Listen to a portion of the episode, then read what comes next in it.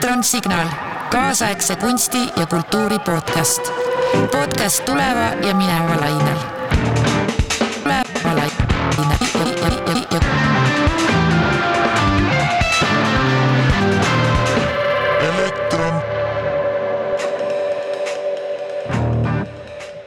Hello, all the listeners. My name is Bohdana. I'm one of the Elektron Signal curators. And the Signal episode that you're about to hear in a few minutes, I can call now a pre war episode. It's a recording made at the time when I was worried about my applications to various artistic residencies, some complex theoretical concepts and whether I should or should not get a PhD at some point in my life. It's a recording made before my only meaningful activity throughout the day became calling my family in Kiev, becoming more and more terrified with each beep on the line and no voice on the other end. While people are fighting for their right to leave, I cannot comprehend doing anything else rather than helping them. That's why I use this public platform right now to send out a message. I want to address now the art institutions and individuals who are in safe locations around the globe and who are still either neutral towards the Russian war in Ukraine, or stop their activity altogether, or continue supporting Russia in any way or form. I want to talk about Ukrainian artist Pavlo Makov, whose work was supposed to be presented at the 59th Venice Biennale, curated by Elizaveta Herman and Maria Lanko, co-founders of the Kiev art space Naked Room, and Boris Filonenko, chief founder of IST Publishing. On the 8th of March, they made a public statement that Ukraine is going to the Biennale no matter what. The whole team, the artist, and his work were in Ukraine at the time. The artist Pavlo Makov stayed in Kharkiv in Yermilov Art Center, which is an official bomb shelter of Kharkiv National University. After it became impossible to stay in the city anymore, because it became increasingly under siege by Russian military forces, Pavlo started moving around the country looking for safer shelter. And so did his art piece, The Fountain of Exhaustion. Maria Lanko, one of the curators, personally was gathering the pieces of the work and transporting them with the team from one city to another under the Russian missiles, determined to get the work to Venice. Curator Boris Filonenko is in Lviv, working on the final edits of the catalogue of the project and maintaining distant contact with the designer Tanya Borzunova, who is in Kharkiv. Boris is from Kharkiv as well, and it's heartbreaking for him to see how his city is being bombed. Lisa Herman is nine months pregnant and is due in a couple of days. Nevertheless, she's in Kiev talking to the press, trying to make the pavilion happen and fortifying her apartment in case of an airstrike. The curator's fierce commitment to ensuring the show go on is matched by their immediate objectives and calls for action. We call for solidarity not only in words, but in actions. We ask the artistic society to look back at centuries of cultural appropriation of Russia towards Ukraine and finally provide Ukrainian artists with the recognition and opportunities they deserve. Katya Pavlevich, head of communications for the Ukrainian pavilion, shared. It's time for Ukraine to claim back cultural artifacts and heritage that have been stolen by Russia. The team is also calling for greater sanctions on the Russian government and holding art institutions accountable for their funding from and ties to the Putin regime. This information and the quotes here are from Ayanna Dozier's article on Artsy Platform.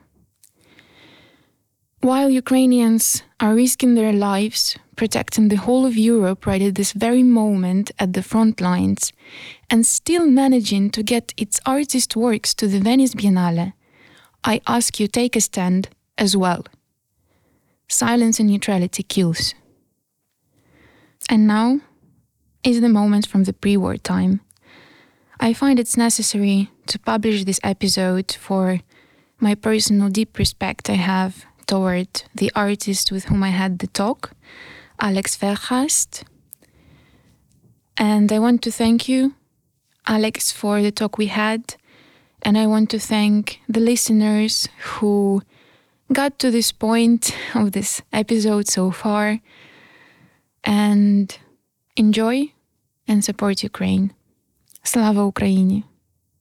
Greetings to all the listeners. This is Elektron Signal podcast. My name is Bohdana, and today at our virtual studio we have Alex Verhaest, and she's a filmmaker based in Brussels. Did I misspell your name? No, not at all. No, nobody can pronounce it. Oh, you can pronounce it yourself. Verhaest. Yes, this is who we have in our virtual studio right now.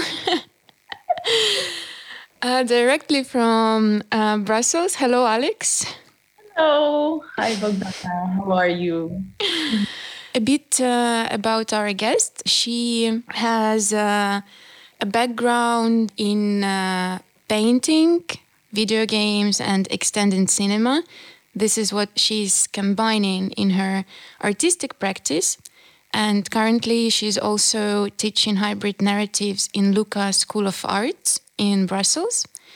And along with a long list of exhibitions, contents, uh, and uh, what's not, in 2015, Alex has also received award uh, from Ars Electronica Golden Nika. And today we're going to talk about some storytelling, some hybrid narratives, and everything that is around it.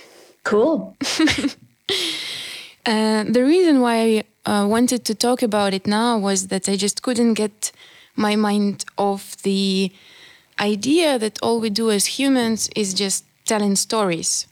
And it doesn't matter what you study or what you practice, uh, either you're a filmmaker or you work in marketing or performing arts or literature or game development, there would always be someone who is going to tell you everything is a story and so whatever we do or sell, we do or sell a story. And uh, somehow it doesn't really feel right, but at the same time, I can't really deny or argue with this statement uh, properly. Uh, what do you think about this? Well, I think it's true. Um, we are governed by stories. You could say that it's not us creating language, but it's language that creates us in a sense. And I think that's also, I mean, the stories we tell are a way of a deep, deep, deep, deep human way of survival as well. It's uh, something you transmit uh, to the generations after you and something you you inherited from the generations before you. Uh, and it's dangerous at the same time because mm-hmm. sometimes wrong stories are told. Um, plus, I understand a bit your hesitance uh, to say like, yeah, it doesn't doesn't feel exactly right. Um, and I think maybe that's because of that, you know, because the stories that are told fall into certain cliches that are a bit uh, diminutive of what reality really is. So there is a huge beauty and a huge uh, danger that is inherent to to being a human being and and a storyteller. Mm. Mm-hmm. Yeah, it's exactly these cliches or stereotypes or bias that comes with these archetypical narratives mm-hmm. that we are surrounded with, and this is where this uh, unease comes from and also curiosity of what could be the ways of either creating new stories. Is it possible at all to create a new narrative or a new this kind of archetypical narrative structure? Or is there a way to create a subverted story which could do something with these biases that are present in the stories we are surrounded with? I think there absolutely is, and I think to a certain extent we are of course limited by the by the structures we have inherited. You know, uh, I mean, you see it enough in the underappreciation of, uh, like for example, well, I'm a feminist, duh, and uh, for example, the underappreci- underappreciation of uh, female films um, by a male audience. You know, it hasn't been that long, and it's not in a you know, it's like in a milieu that is supposed to be educated. That I hear said uh, things like, "Yeah, but female stories they are." Um, they're made for women and not for men Mm. which is so funny because I mean, it's like, how about all those male stories? Are they made for women? You know, so even women, we we ourselves, we lack a certain layer of empathy because we are so used to growing up with male stories, and I think it takes a long time and it takes a, a, a big process of pushback and of canonization to counterbalance that. So I, I think you are right. In a way, we are a bit limited by the frameworks that have become come before us. But I think as as women and as people who are maybe sensitive to an intersectional uh, feminism, we have m- more than the right. We have the duty to st- tell stories because we have to we have to push that framework. You know and it's it will be pushed little by little so it's important to start pushing i think yeah Yeah, definitely. And uh, I remember when I first was confronted with, uh, like now we can call it a hybrid narrative, but back then for me it was transmedia narrative. Just yeah, another kind of term. Maybe there are many more of those. But for me, when I discovered this thing, when you can stretch the story through so many different mediums or forms or even storytellers in a way, it was like, wow, there is some sort of freedom which I can see in between all of these parts of the same story. And it felt like this could be the way of telling these new stories or pushing for these new frames or extending already existing frames. I totally agree. I think to a certain extent, that is why I started working in the new media art, so to speak, because I mean, new media or transmedia or whatever, all these empty boxes of terms, they don't really say anything. But the beauty of it is that these are forms that are not fixed or not fixed yet. You know, so there is a huge um, freedom in the methodology and in the in the usage of these media that you don't necessarily have within a form that is already fixed like a, like a film like a classical film where the you know the medium dictates that it goes from a to z. Um, whereas in new media you're basically free to do to to to to compose your own rules and as you say there is a lot of freedom to be found there and a lot of things to be done there. I mean it's it's exciting to be part of like a to be like a forerunner of a of a certain medium that hasn't been fixed as of yet because you get to help dictate the rules of how it will become canonized in the end you know and then people will have to rebel against us which is good. You know that's the way of life yeah. Also, it feels like maybe it will never be canonized also for this very nature of uh, working with technological medium that it's constantly being updated or something new is being created. Even when you work with i don't know introducing uh, game elements or video game elements uh, in your work there are so many things that could constantly change update or be somehow renewed that there is also no space to even be fixed. It's like this kind of field itself is um, making it impossible to live in these boxes that we've been living in for so long. True. It's quite subversive uh, in that sense. But you know, it's getting a bit more mainstream as well. Basically, it used to be Ars Electronica and then Japanese Media Arts Festival mm. and File Festival in Brazil and maybe Sónar and you know all these all these new media festivals that would that would do crazy stuff with technology but now um, since me i'm like i do i do things with technology yes but the stuff i do is basically video based so it relates more mm. to film and now there is a lot of you know big film festivals who have a uh, VR yeah. department or a new media department. So there is some some centralization and some canonization going on.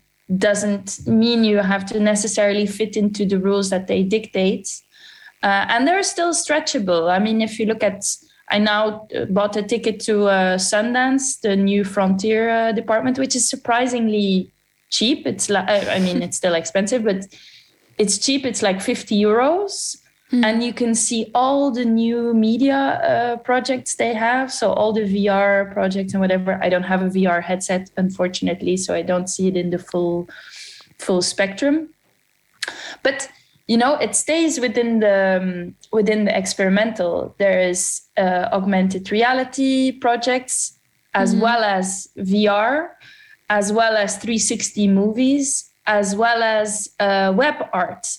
And they all get put into this container of, of new frontier, new new media ways of telling stories, which is, you know, that's quite nice. As you say, I like the the fluid form that new media is. And I'm a bit afraid that if the big festivals uh, start presenting more and more new media projects, mm-hmm. then it will become you know like box. this patriarchal box where you can either do a, a, VR project or you know or you have to do a AAA uh, game or something for it to enter the festival. Or and maybe would... there will be a part of the festival like uh, you know female director section and there will be female director section in this uh, new media section in the film festival. Yeah, yeah, more boxes it's exciting and at the same time it's normal you know it's part of like a, a cycle of life or something things that are experimental they become canonized in the end and then people rebel against that again so it's quite beautiful in that sense as well it's exciting to grow up in the in in this time i think as an artist yeah. it's also interesting that it's uh, the film festivals like very mainstream film festivals that have been established for a very long time that uh, appropriate these new practices. That it happens precisely in this uh, in this field that all this storytelling that seems so connected to literature is mostly maybe displayed is not the right word, but it's constantly going somewhere else within film mm-hmm. rather mm-hmm. than within literature itself. I think that's for the simple reason that there is no money in literature and there is in it's true. It's so true. Nobody has money in literature. And yet, you know, Europe is like throwing a lot of money at VR stuff and it's mm-hmm. sexy and whatever. So I think that's uh you know, working in the arts, it's like going on a walk in the desert you know you're in the desert and you're like with a group of people and then somebody says look over there there's water and then everybody goes there. Look over there there's water over there. Everybody goes there. So you know that's what it is. We're just all trying to survive i guess. Wow i haven't thought about it this way. And um, how do you think would there be a way if we ourselves try now to uh, frame what a hybrid narrative is or like what what kind of beast hybrid narrative is? Mm. i don't know. Maybe you know maybe the formlessness of it is kind of what defines it you know that it doesn't have a fixed medium. And that experiments between uh, different media and that it experiments with uh, using new technology not to display the technology itself but to be a carrier of what the message is. I think that would be i mean that would be the ideal um, definition for me. Because i mean there's a lot of new media arts especially like 10 years ago but still a little bit you know where it's like look i push a button and then this happens and it's like all about the magic of the technology and i'm like no this is boring. But if if technology is really used like as a signifier that's where it becomes interesting for me. If it's part of the story world uh, that's where it's beautiful. And i think our generation has a lot to do there because we grew up with all these technologies you know? We're the kids that grew up i mean i was the kid that grew up with a, a nintendo a 32 bits. Yes i'm that old. Um, you know so uh, we i mean we we we have an emotional relationship to technology i think. And i think it's Im- it's important to work with tech for our generation um, because otherwise you know it becomes a very cold corporate thing if our generation doesn't make art with it you know Yeah, what you said about emotional relation is uh, there is this new sensibility that comes with uh, all these technologies constantly being incorporated almost in our daily life. Like we wake up with the phone in our hands, and to think about that, I can't think about something else rather than my phone uh, waking me up, for example. It's a very natural movement of the hand also to reach for the phone yeah like tap off the alarm and uh, it comes from these very basic things of like switching off the alarm on your phone to also the way we look at the screen and how it influences what we feel or how i don't know um, music on the stage or some other technological presence dictates almost the sensations within our own bodies also Definitely, definitely. And we use also technology to express our desires and to, I mean, I don't know. I, I mean, I did write love letters, but the first love letters I wrote were on MSN Messenger. and and my phone definitely knows more about my life than than my mom, you know? Mm-hmm. So, and I played video games where I was crying because it was so because it was so beautiful, you know?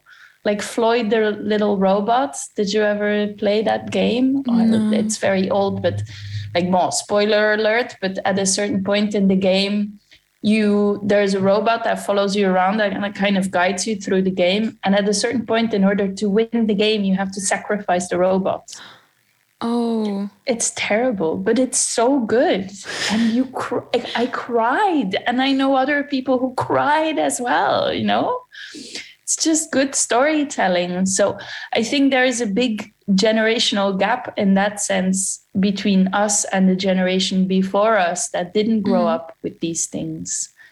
Um yeah and i think it's really up to us to you know to to use these media and to and to and to make people cry. With technology. With technology.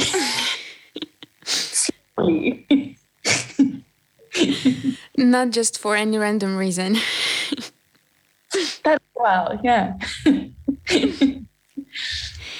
and uh, maybe you can share about one of the latest projects you've been uh, working on For sure. In fact, it really ties into what you were saying about stories. So I'm working on this video game, which is called Ad And it's a video game on the basis of this brilliant uh, PhD of one of my best friends, Sophie Verast.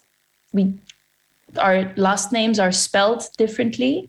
Okay. I think we're far cousins or something, uh, but you know we've not been able to prove it. But anyway, she wrote this brilliant PhD about utopic thinking in uh, Western literature, and she kind of identified four tropes of utopia.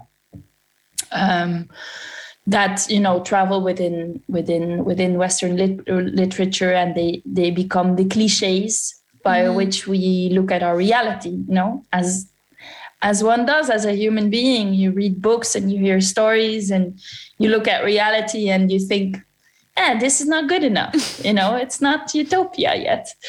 So anyway, I I read the doctorat, and uh, this is so cool. You know, I like I like I like this holistic view on the world where, where you understand how deep your understanding is related to, to the understanding of other people as well, mm. how much you are part of a holistic system as a human being.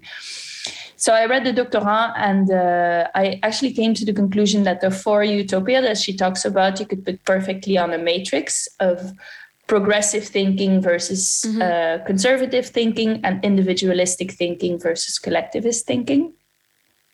So I thought, aha, a matrix, that's perfect for a score system for a video game. So I basically made like this uh, choose your own adventure video game where you, as a player, you are put in the role of change, who mm-hmm. returns to his home village as like an old revolutionary, trying to get a bit of acknowledgement for all he has done. And but you know it turns out that change is never really welcome.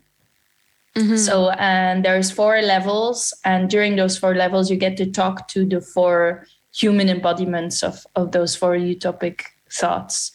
And so it's every time you get like a, I mean it's very low tech. So to speak so you get a piece of video and then you get two questions and then you answer either one of the two and you get a score uh, on the matrix uh, and following on your answers. And then there's four four different endings.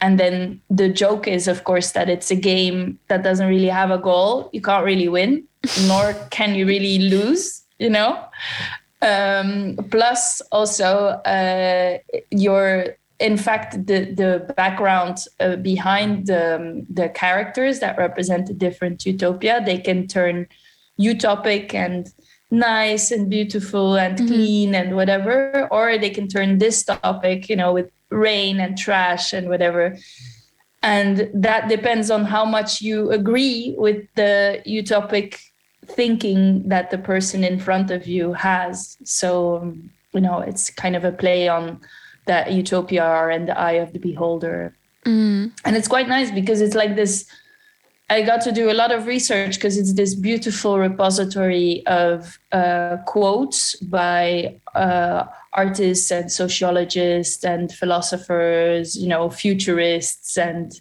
uh, isolationists and hedonists and, you know, all the ists are in there. So that was quite cool. I got to do a lot of reading, reading on that. And I read a lot of artist manifestos and uh, mm-hmm. yeah.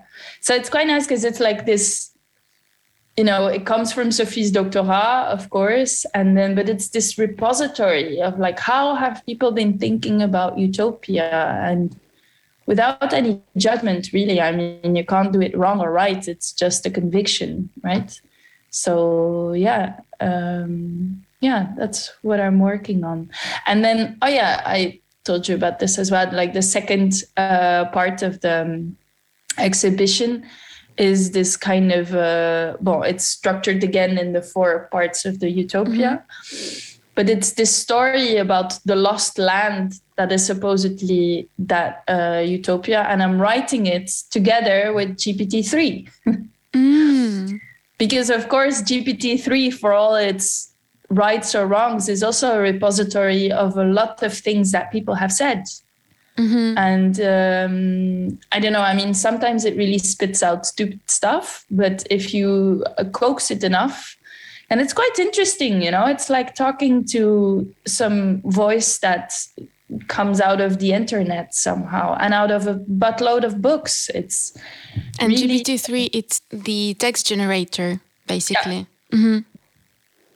yeah the deep learning text generator yeah but it's it's i mean i did a little bit of yesterday i was preparing the class for the hybrid uh, hybrid media and uh, or hybrid narratives. And i wanted to talk a bit to them about gpt-3 and i'm trying to do some research and find some critical papers on it.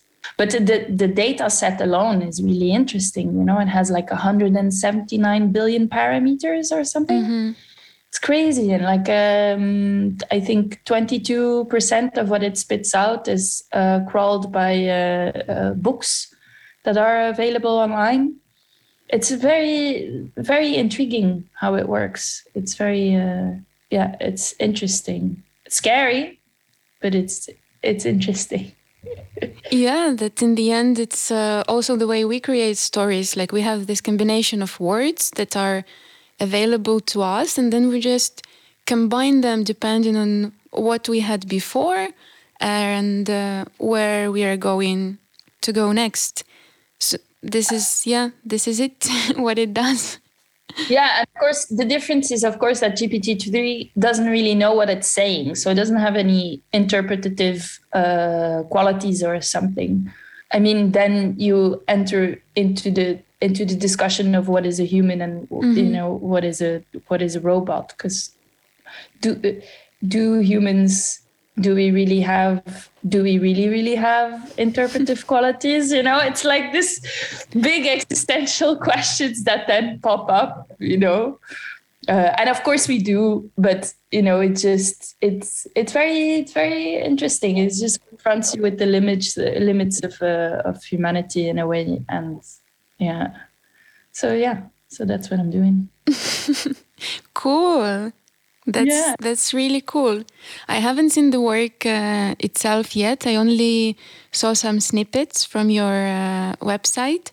And from what i saw there what i really enjoyed is the way the character is portrayed because it's also very it's very ambiguous in a way that it's so close to the way a, a human uh, female looks like but at the same time there is something that is some sort of unexplainable alienation from the way a human female looks like and it creates this sort of feeling like i know what i'm looking at but do i? Yeah, i love play with that. That's really one of my things is like using the uncanny valley because in the end, the stories are t- I tell are quite quotidian. I mean, in the video game, it's a bit less quotidian, but still, it stays very quotidian. You know, it's like mm. a, a guy or a woman going back to where they came from and like trying to talk to people and like say hey you know look what i did and they they're really not interested. So it's a very human human thing or something. And then if you make it just a little bit strange how it looks mm. then it kind of points this little sweaty finger to the fact that the whole of life is a bit strange you know? It mm. just shows you how absurd the quotidian actually is. So i don't know. I really like that me too. Especially from what I saw in uh, your works visually. It's mm. really just from looking at them, it creates this feeling of uh, as if uh, I can relate and understand, but at the same time, I start questioning my own understanding and relations. Mm-mm. Oh, thank you. It works. cool. And uh, how did your own relationship with storytelling uh, developed? How you came to work with uh, all these different mediums combined together? I mean, I was obsessed by books as a kid. Uh, that's one. I lived in a village. It was very boring there. Um, I also lived during a time in Belgium where it was, you know, it became for years children could just like play in the streets. And uh, yeah this whole national trauma happened and then you know kids couldn't couldn't go and play in the streets anymore. So we were kind of closed off inside. So we were really bored and just reading reading reading reading reading devouring books. And then you know i had a nintendo and then i went to art school uh, and there of course i got a very traditional uh, education.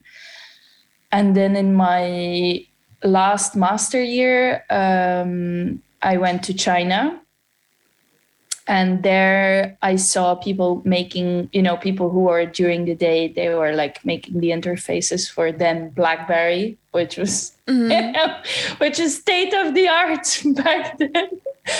Uh, and at night we were like making art all of us together with like laser tagging on huge buildings in shanghai. And and it was such fun you know. I had never it was the first time that i saw oh you know you can make art with technology. This is something you can do you know? I never i never made the the connection because art is something you do with paint and with like clay or whatever you know? Or or whatever or with photography. And i never made the link and i thought it was brilliant. I thought ah finally you know i can all the hours I spent on a on a bloody Nintendo ruining my eyes haven't been for naught after all. voilà, so that was that was my uh, my introduction to art and tech. this is how it came to be. Yeah, yeah, a little bit. Yeah, it was a lot of fun. It was in it was during a time. It was like the early oddies, you know. So it was during a time when all these uh, the, like technology was in rapid development, and especially um, consumer technology was in rapid development. I was there during the year that the iPhone came out, for example, which was like mind blowing at the time. But like we had these there was not a lot of regulation neither on what could be. So we had these laser tag machines, and we would just laser tag in the middle of the night on somebody's house, and nobody would give a shit. Or Mm. like we had these little drones that would fall apart all the time, and we had a 3D printing machine, which was basically like this this robot arm with a glue pistol on it, you know, and it, it had like like Taiwanese software that nobody understood, and we had to hack the thing, and it would break down all the time, and you know. But it was a it, it was a lot of fun. It was just uh, yeah, I don't know. It was like um, it was a huge sense of like a new playground or something that was opening because of all this cheaply available uh, tech in Asia, and we were in Asia, so we could you know we could do whatever we wanted with all the stuff that was there. Yeah.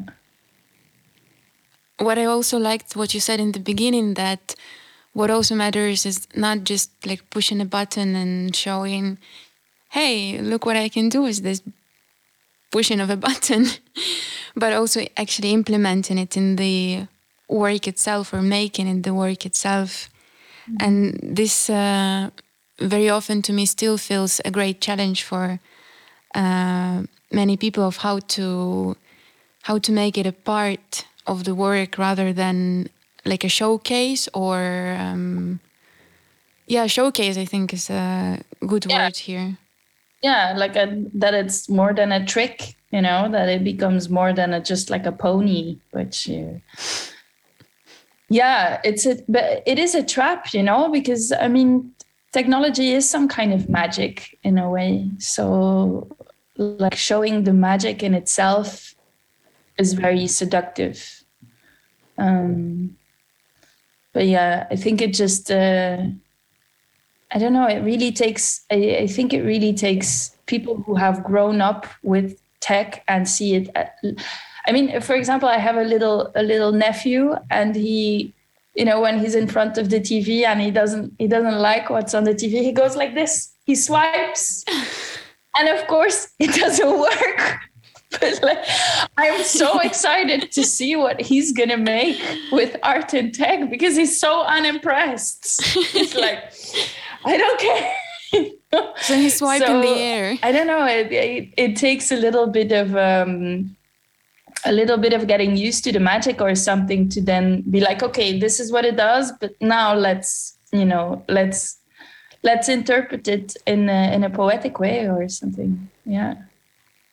And reflect also upon uh, what it does in our lives or Yeah. to itself. Yeah for the good and for the bad. Yeah cool. Uh, thank you so much alex. It's been a really great talk. Thank you. Thank you. It was amazing. Thank you again. I hope uh, we get to talk soon uh, in our hopefully not virtual studio anymore. Elektronsignaal, kaasaegse kunsti ja kultuuri podcast. podcast tuleva ja mineva lainel